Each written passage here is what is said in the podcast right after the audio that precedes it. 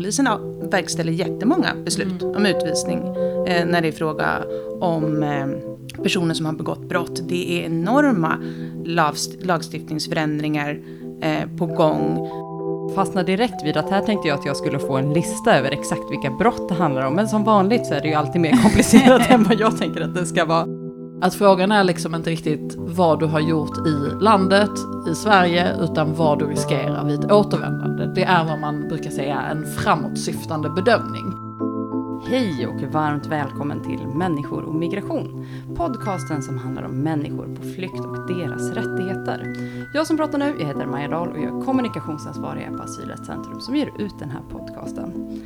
Idag så ska vi prata om brott.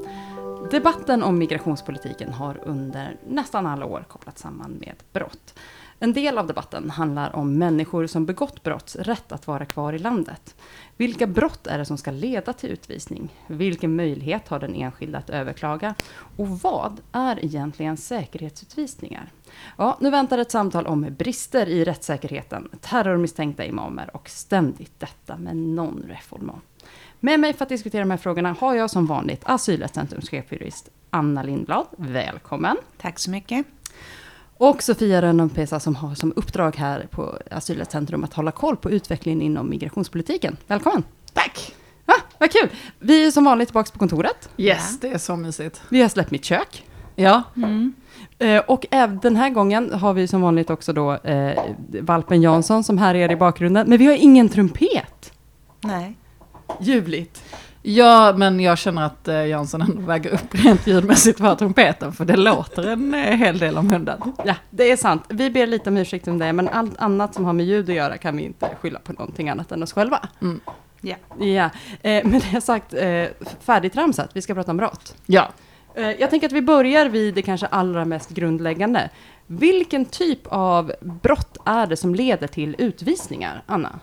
Ja, jag känner att idag måste jag verkligen eh, hålla huvudet kallt och ha tungan rätt i mun, för det här är jättekomplicerat. Det är en kombination då av utlänningslagen och brottsbalken och LSU, som är ju då eh, lagen om särskild utlänningskontroll, eh, där de här säkerhetsärendena ligger då. Ehm, men när man börjar med att titta på vilken typ av brott som leder till utvisning, då pratar vi alltså utvisning i allmän domstol. Alltså när en tingsrätt dömer någon för ett brott och i samband med det också dömer personen till utvisning. Och det här måste man dela upp i att titta på brottet och titta på den som ska utvisas. När man tittar på brottet, då ska det alltså vara fråga om allvarlig eller upprepad brottslighet som kan leda till fängelse. Eh, och det ska alltså vara ett svårare straff än, än böter. Eh, och det ska också finnas en risk för att den här personen gör sig skyldig till nya brott. Eh, men eh, domstolen kan också eh, utvisa någon eh, bara för att det är så allvarlig brottslighet utan den här då framtida eh, bedömningen om fortsatt brottslighet. Eh, så det är då som brottet ser ut. Eh, så det är allvarlig brottslighet. Och sen måste man titta på den som ska utvisas, för då finns det ju många undantag. Och nummer ett då, svenska medborgare kan aldrig utvisas, för de har en grundlag, grundlagsskyddad rätt att vara kvar i Sverige. Inte heller personer som har kommit till Sverige som barn och eh, som har under större delen av sitt liv då bott i Sverige. Och eh, i lagen så är det då personer som kommit till Sverige innan de fyllt 15 år och som bott här minst fem år. Sen finns en hel del EU-rättslig lagstiftning också. Eh, särskilda regler, till exempel för EES-medborgare och nordiska medborgare. Då krävs det mycket allvarligare brottslighet. Och sist men inte minst då, personer som riskerar att utsättas för eh, tortyr eller förföljelse i sitt hemland. De kan inte heller utvisas. Och det känns ju som den vanliga typen av ärenden som blir eh, diskussion, så att säga, eh, medialt. Jag tänker att vi kommer komma tillbaka till just den delen, men jag fastnar direkt vid att här tänkte jag att jag skulle få en lista över exakt vilka brott det handlar om. Men som vanligt så är det ju alltid mer komplicerat än vad jag tänker att det ska vara. Eh, om vi kollar lite grann på hur många det är som brott utvisas varje år, så vi vet ungefär vilken siffra det handlar om. Sofia, hur många är det som då liksom utvisas på grund av att de har brott? Ja men eh, om man kollar på eh, siffrorna för 2019 så var det ungefär eh, lite över tusen personer som utvisades eh, till följd av ett eh, eh, med anledning av brott. Alltså de som faktiskt verkställdes så att säga, alltså är, bes, domen verkställdes. Eh, under samma period, alltså under 2019, så kom det in då till eh, polisen ungefär, ja men också ungefär 1000, 1200 ärenden. Ungefär. Så att eh, det var väl ungefär lika många som polisen tog hand om som utvisades. En diff på typ 200 ärenden liksom. Kan man överklaga eh, att man har fått ett sådant utvisningsbeslut? Ja, det kan man göra. Och det har ju också lett till att det finns en hel del praxis från Högsta domstolen om hur de här bestämmelserna ska tolkas och vilken brottslighet som krävs. Mm. Nu är ni inne lite grann på det, eh, både, både du Anna och, och, du Sofia, eh, just det här, de här personerna som inte kan utvisas. Mm. Eh, vad händer då liksom, när man inte kan utvisas och varför, är det, varför då stoppas utvisningen? Precis. Um, alltså I brottmålsprocessen så ska man inhämtar Migrationsverkets yttrande. Och då ska Migrationsverket svara på frågan, finns det ett verkställighetshinder? Eller går det att verkställa det här beslutet, vilket alltså betyder skicka tillbaka personen. Eh, så redan i brottmålsprocessen ska man ju titta på de här omständigheterna. Och en person som riskerar då till exempel tortyr eller förföljelse ska ju inte utvisas. Eh, men inte sällan så kan det uppstå att man, man har en brottmålsutvisning och sen i ett senare skede, alltså när den domen har fått laga kraft, så anför personen att det finns hinder mot utvisningen. Det som förr i tiden kallades att man begärde nåd och han eh, handlades av regeringen eh, och idag ligger på Migrationsverket att bedöma. Så det är inte en helt ovanlig ärendekategori för Migrationsverket att titta på. Den här personen som både har en utvisning från Migrationsverket och en från allmän domstol säger att det finns hinder för att utvisa mig. Mm. Men det här går ju liksom tillbaka till någonstans eh, um, stommen för den internationella rätten och hur den hanterar liksom vilka människor som Sverige faktiskt har en skyldighet att, att eh, låta stanna kvar i landet. För jag tror att ofta när man ser de här eh, diskussionerna kring eh, brott och varför får de här personerna stanna när till exempel personer som har arbete och så vidare måste utvisas och så vidare, vilket är en inte så konstig intuition. Eh, så är det ju en, en viktig princip att komma ihåg, som också många missar ibland när det handlar om asyl. Att frågan är liksom inte riktigt vad du har gjort i landet, i Sverige, utan vad du riskerar vid ett återvändande. Det är vad man brukar säga en framåtsyftande bedömning. Vilket är väldigt viktigt att ha i huvudet när man försöker förstå det här. Eh, alltså du får inte stanna i Sverige som ett pris för liksom att du har gjort ett bra jobb, utan det handlar om vad du riskerar vid ett återvändande. Och där har Sverige ett absolut förbud mot att utvisa någon till eh, liksom, ett land där de riskerar till exempel tortyr eller dödsstraff eller liknande. Och det kommer vi liksom inte, det kommer vi inte runt. För det är inte bara så att det finns i utlänningslagen, utan vi har det i Europakonventionen, i EU-rätten. Det, det, är eh, otroligt väl förankrat, den, den fina principen om eh, non-reformant. Mm. Precis, och det är ju precis som Sofia säger, det absoluta verkställighetsförbudet. Sen finns det också det som kallas för politiskt verkställighetshinder, som ju gäller flyktingar.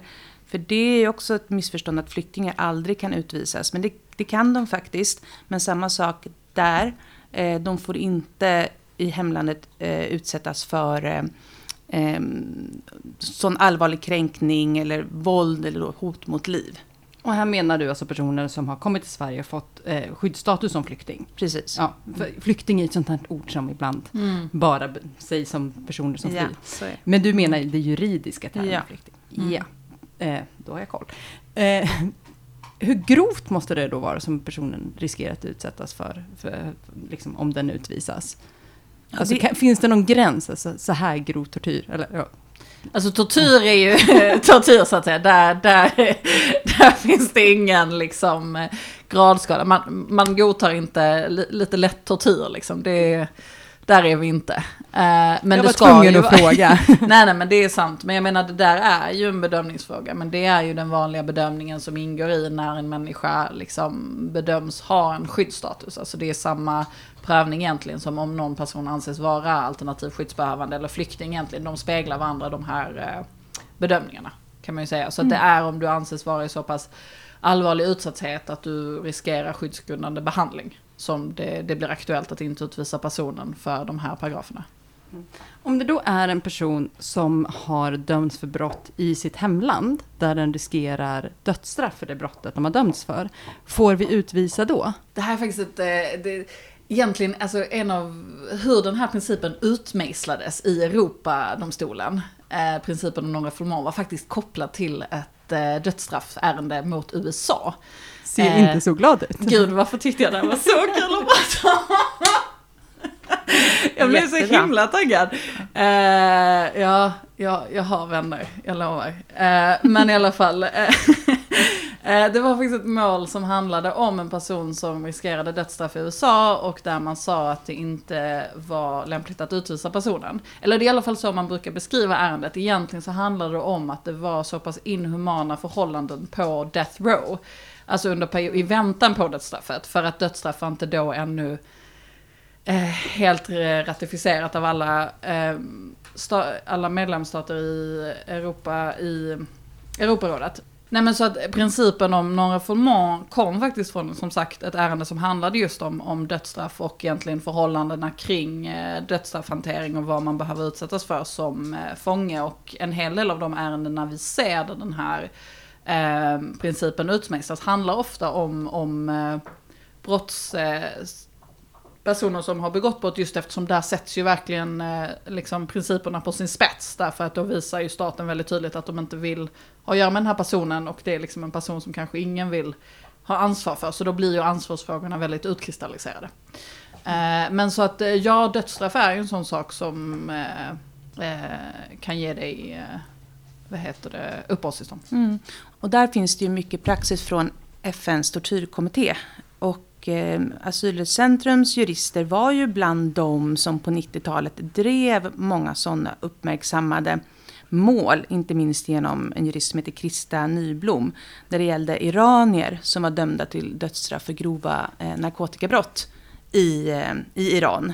Och de avgörandena fick ju väldigt stor uppmärksamhet. Mm. Kan det här gälla även liksom, eh, brott som bara är fängelsestraff? Du sa nu att liksom, det handlar om också vilken, vilken alltså, Alltså, hur det, det var på finns death row. ju, alltså i vissa fall så kan ju ett fängelsestraff i hemlandet vara en del av det man behöver skydd från. Alltså det är ju om fängelsestraffet är kopplat till någonting, alltså till exempel att du har en viss sexuell läggning eller eh, att du vägrar en, en, eh, en militärtjänst som skulle innebära att du själv begick eh, eh, brott mot mänskligheten eller liknande. Så det finns ju, alltså ett, ett, eh, ett fängelsestraff i ett hemland kan ju vara en del av varför du har rätt till skydd här. Men jag tänker också att de, alltså, vissa fängelser eh, världen över så att säga, är ju inte... Ja men riktigt- precis, alltså vissa för, fängelseförhållanden kan ju uppgå till omänsklig behandling så som det ingår i, som jag nämnde så var liksom ur- ursprungsmålet Söring, eh, det handlade just om eh, förhållandena på fängelset. Och vi vet ju att det finns fängelser där man använder sig av tortyr. Och då är det ju klart att då gör man ju en, en bedömning i det enskilda fallet om den här personen är i den kategorin som riskerar tortyr i liksom de här fängelserna. Så att det är inte, det är inte, alltså jag menar det finns ju väldigt många eh, länder som har problem med sina fängelser. Och det är inte bara så att det ska vara en rapport om att eh, de här fängelserna har dåliga förhållanden för att det ska räcka. Vi eh, skickar människor till länder som har eh, absolut liksom risker kring tortyr och så vidare, men där man anser att eh, ändå staten jobbar för att det ska försvinna så att säga. Det räcker för att man inte ska bedöma att det här är tillräckligt allvarligt. Ja, men då vet vi lite mer om liksom, vad det är som kan hindra att en person då kan utvisas, även fast de kanske har begått brott som de skulle att utvisas för.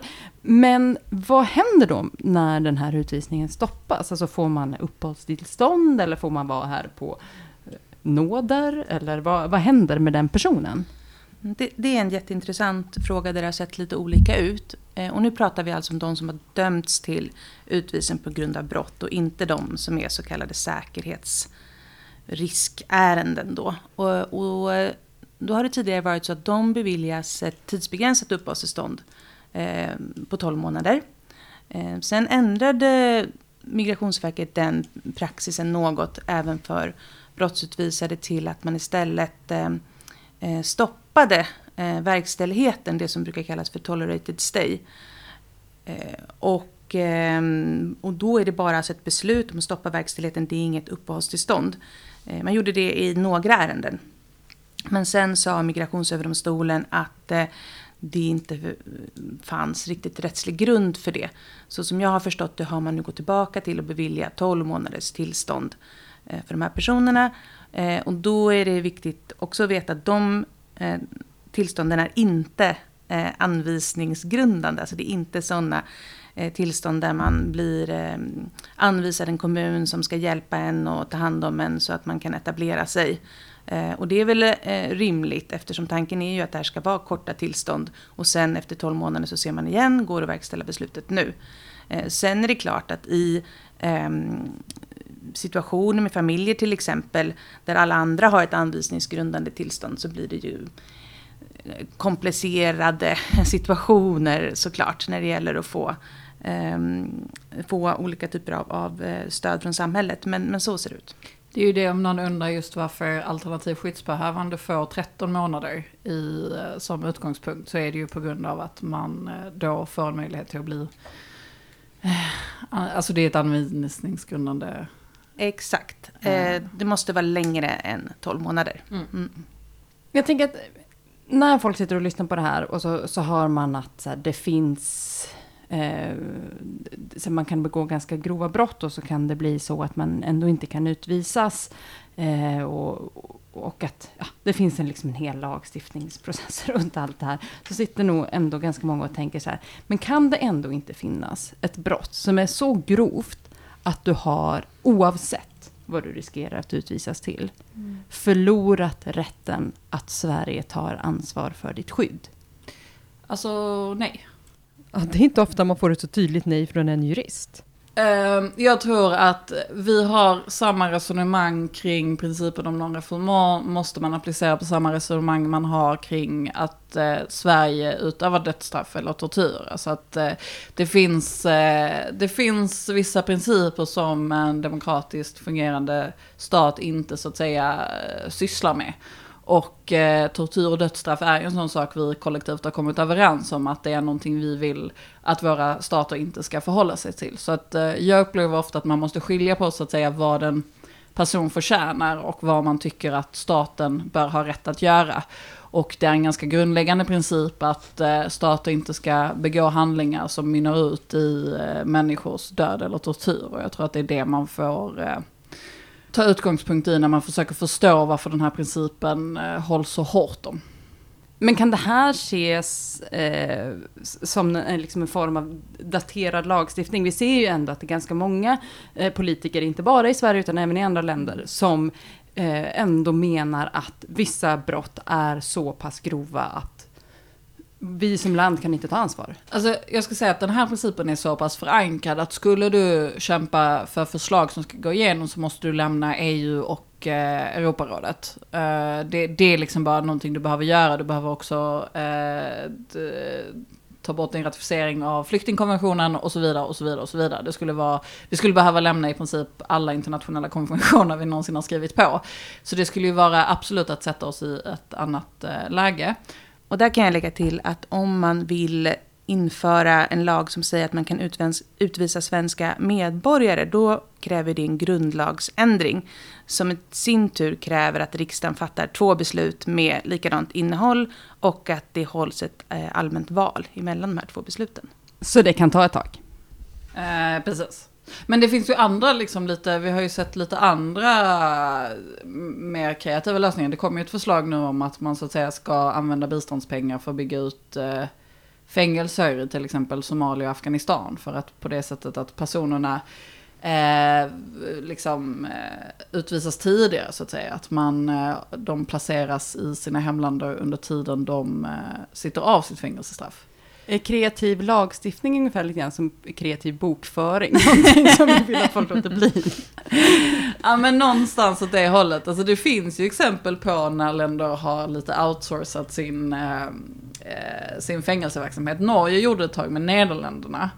Eh, vilket fick en del kritik, bland annat så problemet med att eh, placera någon i ett annat land där de är, är till exempel att man inte får tillgång till besök av sin familj och sånt på, på särskilt bra eh, sätt, vilket såklart skulle kunna bli ett problem även i, i, eh, i Sverige. Men, men när vi pratar om att eh, jobba med länder som Afghanistan och Somalia så uppkommer ju helt andra frågor och eh, rättighetsproblematik eh, i relation till det. Mm. Uh, det är ju samma sak som de här konversationerna kring att lite outsourca asylprövningen. Att, uh, vi vill ju gärna försöka hålla på att Sverige inte så att säga stödjer, hjälper till med uh, platser där uh, personer behandlas med liksom omänsklig behandling. Mm. Mm. Och, och, när du säger det Sofia så kommer jag på en till kategori som Um, som är intressant. Och det är ju personer som har dömts till utvisning, som kan utvisas, men där um, landet inte tar emot. Eller där det finns svårigheter för att landet inte tar emot. Och om man tar då Somalia som ett exempel, eh, där det är så, jag vet att det har förekommit verkställigheter till Somalia också, men det är väldigt svårt. Och det är ju för att landet inte har eh, en, en regering helt enkelt. Och, och om det är där vi är idag så tycker jag att det är väldigt märkligt att man ens tar upp diskussionen om att, att bygga fängelser i det landet, eller Afghanistan för den delen. Om vi har sådana svårigheter med verkställigheter. Um, till Afghanistan har det inte varit svårt med, med brottsutvisade personer, men den här problematiken återkommer ju hela tiden. Och då är det, det är faktiskt det är okunnigt att prata om att bygga fängelser. Jag tänker också att man kan sätta sig själv i situationer som man verkligen inte vill hamna i. Att om du lägger, om Sverige bygger ett fängelse i ett annat land så är väl Sverige fortfarande ansvarig för liksom skötseln och styrningen av det fängelset, vad som händer där i. Mm. Och då vill man ju inte hamna i en situation där, hur ska svenska staten ha kontroll över att allting sköts exakt som man tycker att det ska ske? Om det sker en skandal där på, eller i det fängelset, hur ska, vilken kontroll har Sverige haft att förebygga att det sker till exempel omänsklig behandling i fängelset? Otroligt svårt. Men jag, alltså det jag tycker är så intressant när man börjar prata om att gå över till liksom relationer med andra länder, det är ju att det är en liksom väldigt tydlig del av den internationella rätten där vi går över från liksom hårda paragrafer till att väldigt mycket kopplas till samarbeten mellan länder.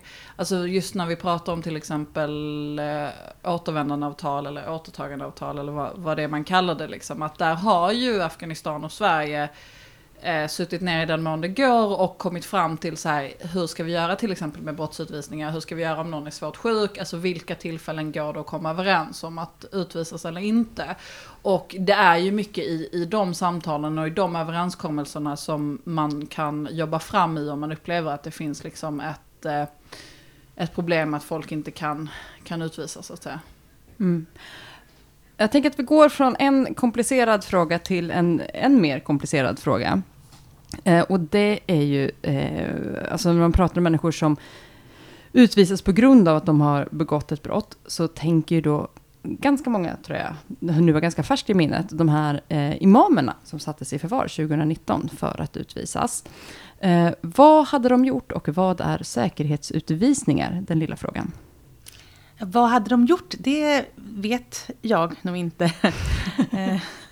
det är kanske ett fåtal människor som vet vad de hade gjort. Ja. Det här är ett litet exempel på det här med säkerhetsärenden, att för det bästa så vet man inte så jäkla mycket om dem. Mm. Mm. Men däremot kan jag svara på vad ett säkerhetsärende är. Mm. Och det är ju alltså de här, eh, när det är fråga om till exempel eh, misstankar om att en person är eh, risk mot Sveriges säkerhet.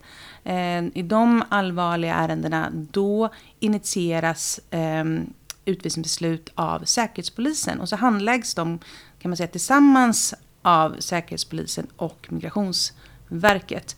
Eh, och eh, det är ju ehm, som Sofia sa ärenden där det är helt andra regler som gäller kring insyn och handläggning och, och hela processen.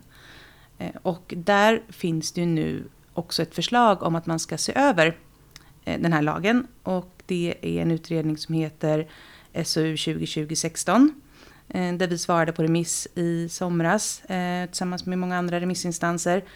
Och där föreslår man att man ska införa ett nytt beviskrav. Så det ska vara tillräckligt att en person kan antas komma att göra sig skyldig till en gärning som är straffbar enligt den också nya terroristbrottslagen för att det ska bli ett sånt här säkerhetsärende.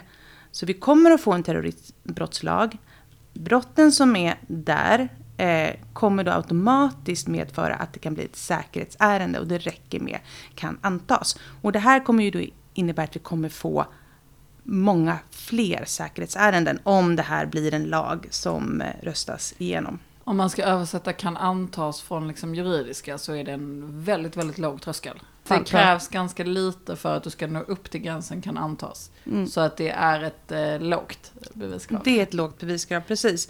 Och en annan väldigt eh, intressant sak som är ett förslag i den här lagen, det knyter an till det vi pratade om innan. Det är att de här personerna ska alltså inte få ett tillfälligt uppehållstillstånd utan de ska få det här som kallas för tolerated stay. Alltså man fattar bara ett beslut om eh, att, att, att verkställigheten inte får ske. Eh, som ju när som helst kan eh, tas bort. Och det är ju väldigt oklart då, och det här tycker jag också är intressant, det är oklart vilken typ av rättigheter de här personerna har under tiden de är här. Eh, kommer man få arbeta till exempel? Mm. Eh, jag tror inte, om jag skulle eh, gissa. Är det bra att den här gruppen personer inte får arbeta i Sverige? Så att det, det är väldigt många förslag i den här utredningen som är i skärpande riktning och som inskränker den här personens rättigheter. Ehm, och mycket av förslagen är bra. Det föreslås till exempel krav på ehm, större proportionalitetsbedömningar, muntlighet och motivering och så. Men det kommer bli en stor förändring om den här utredningen genomförs. Mm. Om vi tänker på hur det ser ut idag, hur ser rättssäkerheten ut i de här fallen? Eh, jag tänker lite grann att vi alla var inne på att vi inte är helt säkra på vad de här imamerna eh, faktiskt har gjort. Men alltså säkerhetsärenden är ju eh, ett ett, område som omges av betydligt mycket mer så att säga hemlighetsmakeri. Eh, vilket ju kanske inte är så konstigt i det att eh, riskerna ställs ju på sin spets på ett annat sätt i den typen av ärenden. Men det är klart att det finns alltid eh, mycket större spänningar kring rättssäkerheten i säkerhetsärendena eftersom eh, man eh, som enskild har lite svårare att veta exakt vad det är man är anklagad för och, och lite sådana saker. Eller vad säger du Anna? Mm, ja. Ja. Vilken möjlighet har man då eh, som anklagad, om du säger att man inte riktigt vet vad man anklagats för, att faktiskt försvara sig? Ja, det, det påverkar ju det. Uh, alltså så enkelt är det ju. alltså det är ju, alltså jag jobbar inte med, med säkerhetsärenden så jag ska vara försiktig i hur jag uttalar mig här. Men, men uh, det vet ju att man, man ser ju att det finns svårigheter ibland just att, att förstå vad det är man eh, har kritiserats för och, och, att det såklart påverkar möjligheten att försvara sig. Eh, det du var inne på nu Anna också, du, du pratar om att det finns en utredning på gång men det förekommer ju också en ganska levande politisk debatt eh, om att ge Säkerhetspolisen större utrymme att bevaka de här personerna som då anses utgöra eller misstänks utgöra en säkerhetsrisk. Eh, och att det måste vara, vara lättare att utvisa dem. Eh, vad tänker ni när ni hör den här debatten från politiskt håll? Jag tänker ju att eh, det är ju den här utredningen. För de får väldigt mycket större befogenheter att ingripa mot den enskilde och dennes rättigheter. Mm. Ehm. Jag, jag, tror liksom att eh, utvisning är inte ett straff riktigt. alltså utvisning ska inte användas som ett straff. Det är kanske det jag menar. En annan av de då liksom, kanske absolut mest kända utsvensk, eh, utvisningarna i då så svensk migrationshistoria är ju då eh, de så kallade Egyptenutvisningarna. Och det finns ju en bild av eh, att det var på grund av att de här personerna då hade begått brottsliga handlingar som, som låg bakom att de utvisna, utvisades, eller skulle utvisas. Eh, och Asylrättscentrum var ju involverad i det här fallet. Mm. Eh, jag tänker att vi kan försöka reda ut lite grann av de missförstånden som finns kring den här frågan. Vad var det egentligen som hände, Anna? För du var här på den tiden. Ja, det första som hände det var ju i december eh, 2001 då två egyptiska medborgare som hade sökt asyl i Sverige avvisades från Skavsta flygplats. Eh, och det var ju en, helt enkelt eh, ja, amerikanska myndigheter som kom och hämtade dem och eh, körde dem till Egypten och svenska regeringen hade fått garantier från egyptiska myndigheter om att de inte skulle utsättas för eh, tortyr. Så då tyckte man att det var okej med den här avvisningen. Ehm, trots att de då hade eh, en profil som ju gjorde amerikanska myndigheter intresserade av dem som var att de hade i sin ungdom var det väl ehm, varit politiskt eh, aktiva. Så det var det som hände 2001. Eh, och då var inte vi på Asylrättscentrum inblandade. Men eh, senare så anmäldes den här avvisningen till FNs eh, kommitté mot tortyr. Och då företrädde eh, vår kollega Bo Johansson en av de här männen. Och det ledde ju till att eh, en fällning då i kommittén. Man sa att Sverige hade brutit mot konventionen. Och det är väl det mest uppmärksammade eh, ja, fällningen eh, som, som, som jag känner till i alla fall. Mm. Alltså det låter ju lite som en film när man hör det. Alltså så här CIA-agenter kommer till en eh, flygplats liksom i Sverige och eh, hämtar hem medborgare till ett annat land. Och, mm. ja. Men det var väl precis så för att kommittén fann ju bland annat att en del av den här kränkande behandlingen var just att de hade klätts av och de hade fått tvångsmedicinering mm. och satts i hand, eh, med handbojor och förts iväg med, hu med hu eh, huvud, ja, huvud, huvudmasker. Ja. ja. Eh, så, så det låter ju verkligen som en, som en spionfilm. Mm. Eh, Mm. Men de utsattes väl även för tortyr när de kom fram till Egypten? Ja, under processen vid kommittén så framkom det att mannen hade utsatts för tortyr. Eh, och som jag förstår då var det en uppgift som regeringen tidigare undanhållit. Mm. Och det där tänker jag, liksom, om vi knyter fram till det vi pratade om innan, om mm. att så här, eh, bygga fängelser i andra länder, eh, så här, visar ju också på hur svårt det är för liksom, en stat att garantera vad som händer när en, med, liksom, när en person har lämnat landet. Att här hade Sverige ändå fått en garanti att de inte skulle utsättas för någonting. Eh, vilket sen, de utsattes för tortyr när de kom fram. Mm. Eh, och sen tänker man sig att då ska Sverige kunna bygga ett fängelse i ett annat land. Hur ska man då... Mm. Ja. Ja, nej, men det handlar ju om att hela tiden förhålla sig till att det, det är ju, eh, det blir ju inte bättre än ens förhandlingspartner är bra liksom.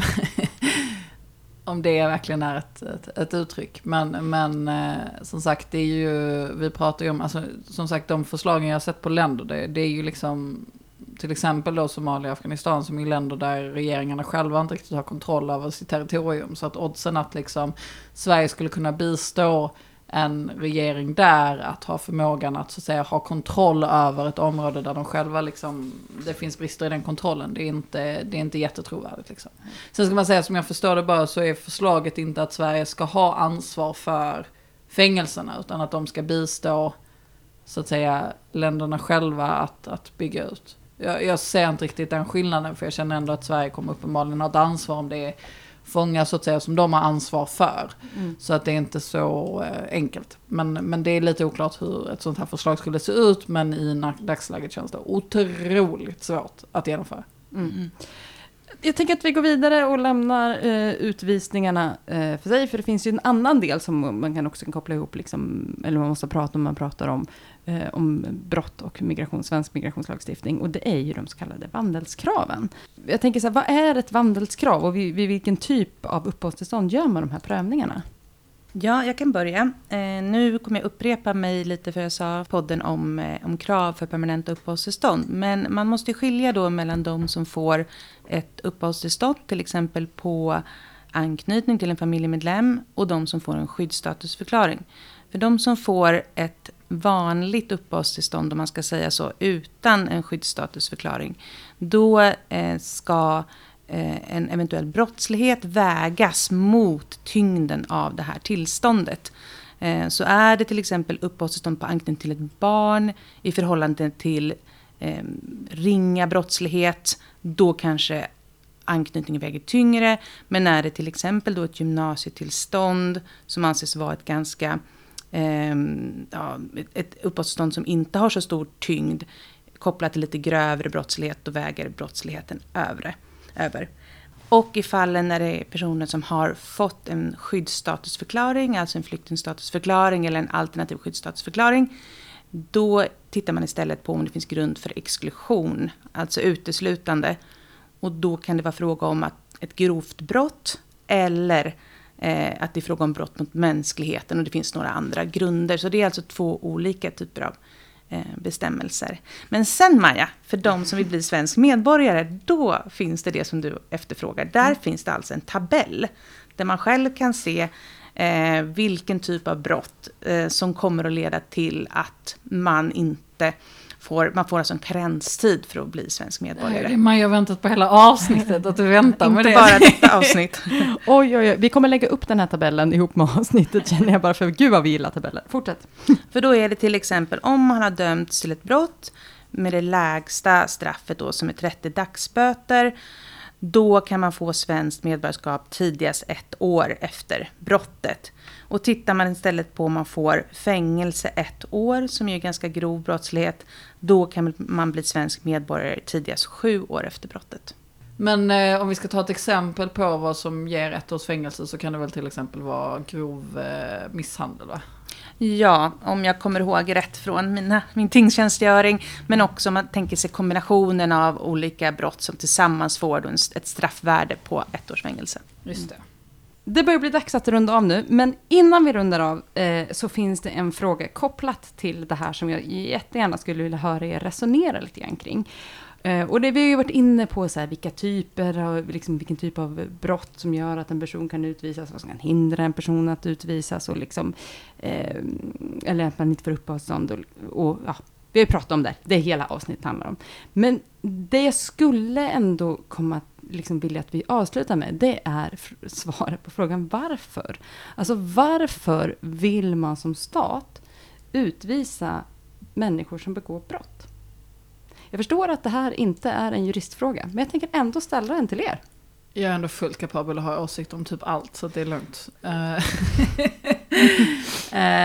eh, alltså jag, jag upplever att det är klart att eh, alltså resonemang kring eh, staters eh, huvudsyfte att skydda sina medborgare och så vidare. Det finns ju en nationalistisk idé om att, så att säga, om brott inte existerar i eh, det egna landet så existerar det inte överhuvudtaget. Jag tänker att, så att säga, det finns ju en, en, en grundprincip som skulle kunna handla om att, så att säga, återfallsbrottslighet till exempel är farligt var det, det sker. Liksom. Mm. Men det är ju eh, såklart att eh, det är ju väldigt kopplat till utgångspunkten att stater i första hand skyddar sina egna medborgare. Liksom. Mm. Nej, men, och jag tänker också så här, kopplat till det vi pratade om, så här, rätts, eh, eller säkerhetsutvisningar. Att vore det inte rimligare att ha människorna kvar här, där man har koll på dem, om då tanken är att skydda den egna medborgaren. Att här vet vi åtminstone vad de gör. Det kan du inte ha koll på så fort du har utvisat dem, eller?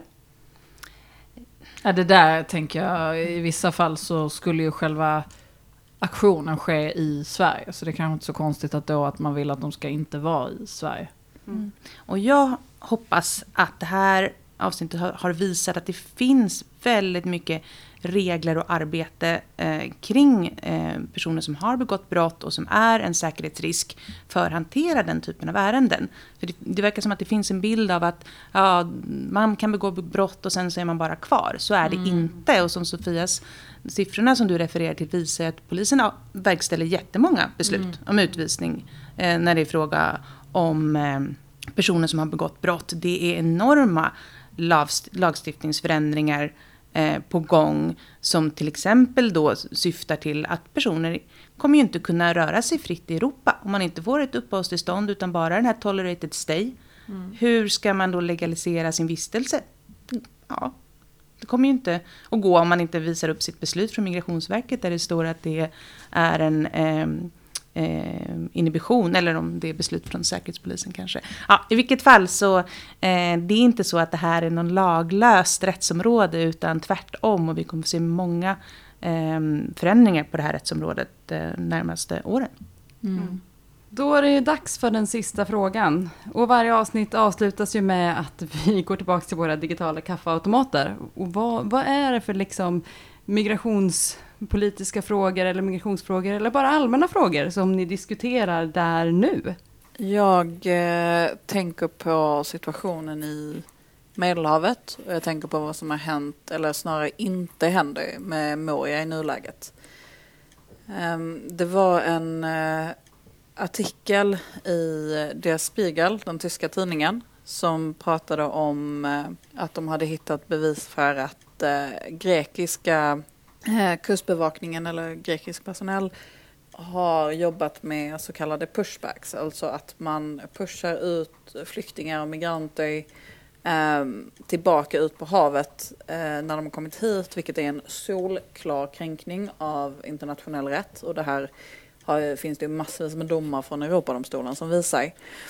Men i det så Ehm, det som är otroligt anmärkningsvärt med, med den här artikeln är ju att man också visar att Frontex har um, vetat om uh, den här aktiviteten från grekisk uh, kustbevakning och att själva Frontex också i vissa tillfällen har varit involverade i pushbacks, vilket ju är otroligt uh, smärtsamt att, att veta att EU är liksom någonstans delaktiga i solklara internationella eh, eller solklara kränkningar av internationell rätt. Eh, det är ju, vi måste vara medvetna om vad som händer vid våra gränser och på vilket sätt det påverkar eh, människor i deras så att säga, jakt på, på en fristad. Ehm, I det så tänker jag också på situationen i Moria som ju sen Moja i princip brann ner så har vi ju sett att en del länder, bland annat Tyskland, har ju eh, tagit på sig att eh, ta sig an eh, personer från ehm, flyktinglägret. Eh, Sverige har inte gjort det än så länge och det verkar inte bli någon ändring på det heller.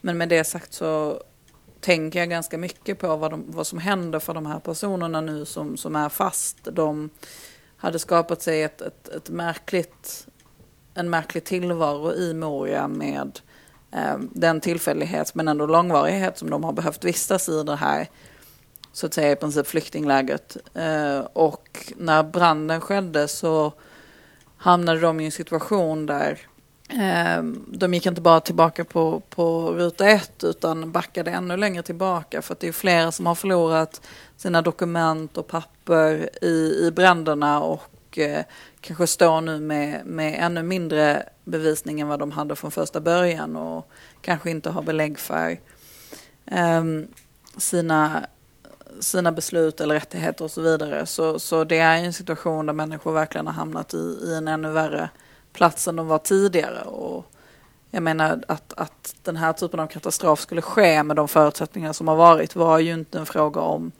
eh, om, utan det var en fråga om när. Och när vi nu ser att det har hänt och att de här människorna är fast i, i ett ännu värre limbo så är det ju inte så att vi har någon vettig strategi för hur vi ska hjälpa de här människorna utan vissa länder tar sig då an frivilligt att, att hjälpa dem men i övrigt så, så står ju människor ganska, ganska ensamma i, i ytterligare, ytterligare en, en nästan ännu värre utsatthet än de var tidigare. Och ja, men det är viktigt i, i de här tiderna när vi pratar mycket om migrationspolitik och även se liksom, migrationspakten och de förslagen som ligger. Att försöka tänka på vad det innebär för politiken och aktiviteterna som sker vid Europas gränser och på vilket sätt politiken påverkar möjligheten att säkerställa att vi, vi kan upprätthålla gränserna utan att kränka, kränka internationell rätt. Mm. Och där intervjuades ju du, eh, Anna, av bland annat SvD om liksom Sveriges möjlighet att agera i den frågan. Eh, är det någon, någonting du skulle vilja tillägga till den liksom, juridiska analysen av Sveriges möjlighet att agera? Ja, det är väl det här med att man måste skilja mellan Dublinförordningen och eh, ett fri, en frivillig överenskommelse. Att eh, Dublinförordningen och möjligheten att ta personer från Grekland till Sverige Ehm, det är en sak och där finns det juridiska svårigheter men det finns ju också möjligheter till frivilliga, frivilliga eh, ja, avtal eller Mm. ja. Tyskland har ju till exempel tagit ansvar för ett, ett gäng från Moria nu. Mm. Mm. Eh, som är det land i Europa som har tagit emot flest. Precis, och det har ju ingenting att göra med Dublinförordningen. Nej.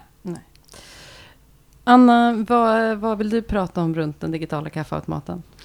Eh, Men jag, jag har tänkt på vår, vår kollega och mångårig medarbetare eh, Bo Johansson som ju drev det här målet i eh, FNs tortyrkommittén med den här egyptiska mannen. Och jag har tänkt på alla processer som han har drivit Mm. och internationellt och hur många fällningar mot Sverige där han har företrätt sin klient. Det vet jag faktiskt inte hur många det är, men han borde skriva en bok om det. Eh, om han någon gång går i pension. Han jobbar ju kvar här fortfarande. Eh, men vilket fantastiskt jobb han har, har gjort. Så det har jag tänkt på. Och så mycket hur man ska tänka framgent då, sådär i egenskap av chefsjurist. Hur mycket ska man driva internationellt jämfört med hur mycket ska man driva i Sverige och hur ska den fördelningen se ut och Mm. så vidare. Det har jag funderat på. Mm. Jag tycker också att det är himla härligt och för er som lyssnar så säger det någonting om vår arbetsplats att Anna precis pratade om vilket fantastiskt jobb någon har gjort som har fått Sverige dömt i flera. Så att det är lite så vi jobbar här. Eh, Vad har du tänkt på Maja? Jo, själv har jag, i och med att vi... Jag håller mig kvar lite grann kring den här frågan. I och med att vi nu har spelat in det här avsnittet eh, om framförallt då liksom brott och utvisningar och möjlighet för uppehållstillstånd, eh, så har jag tänkt mycket på liksom den debatt som nu förs kring brott och kriminalitet. Där allt fler partier liksom sluter upp samman och, om att liksom dra kopplingen mellan eh, liksom migration och, och, och kriminalitet. Och där har ju vi faktiskt människor och migration eh, redan för flera år sedan spelat in eh, ett avsnitt som just handlar om migration och kriminalitet med eh, Felipe Estrada Dörner som är professor i kriminologi vid Stockholms universitet. Och, ja, men, där vi då pratar brottsstatistik, riskfaktorer och ojämlikhet. Och det är ju fascinerande att hur mycket forskarna och kriminologerna än går ut och pratar om liksom, de här riskfaktorerna och riskfaktorerna i sig inte har någonting med bakgrund och vart du kommer ifrån rent geografiskt så att göra, så kommer man fortfarande Mm. fram mot den här tegelväggen som folk bankar sin panna mot och Mm. drar kopplingen till kultur och migration och kriminalitet. Och det kommer jag nog fortsätta tänka på. Eh, Mm. Och för er som, precis som jag, eh, sitter och eh, knyter näven i fickan, så finns ju det avsnittet att lyssna på. Det är väl värt att tracka sig tillbaka till och Det ska lyssna jag ta och lyssna på Gör det. eftermiddag faktiskt. Ja, det ja, som sagt, mycket trevligt att lyssna på. Men det är det sagt att avsluta dagens avsnitt. Anna och Sofia, tusen tack för att ni gjorde mig lite klokare och lite mer förvirrad. Eh, som vanligt. det kan jag inte höra ihop. Eh, Tack ta- själv. Vårt nöje. Ja, Mm. vad bra. Eller tack själv menar jag. Tusen tack till dig som har lyssnat. Vi på Asylet Centrum kan ju göra den här podden trots att det är coronatider och eh, att det är lite knepigt ekonomiskt för de allra flesta. Just för att några av er faktiskt har varit snälla nog att swisha in och det får ni jättegärna fortsätta göra. Att stödja Asylrättens- Asylet Centrums arbete med de här frågorna om vår möjlighet att göra den här podden. Ni kan gå in på sveref.org och klicka på stöd och så hittar ni olika sätt att eh, stötta verksamheten. Om inte annat så när det lackar mot jul så kan man ge någon i julklapp att Ja. Asylrättscentrum gör podd.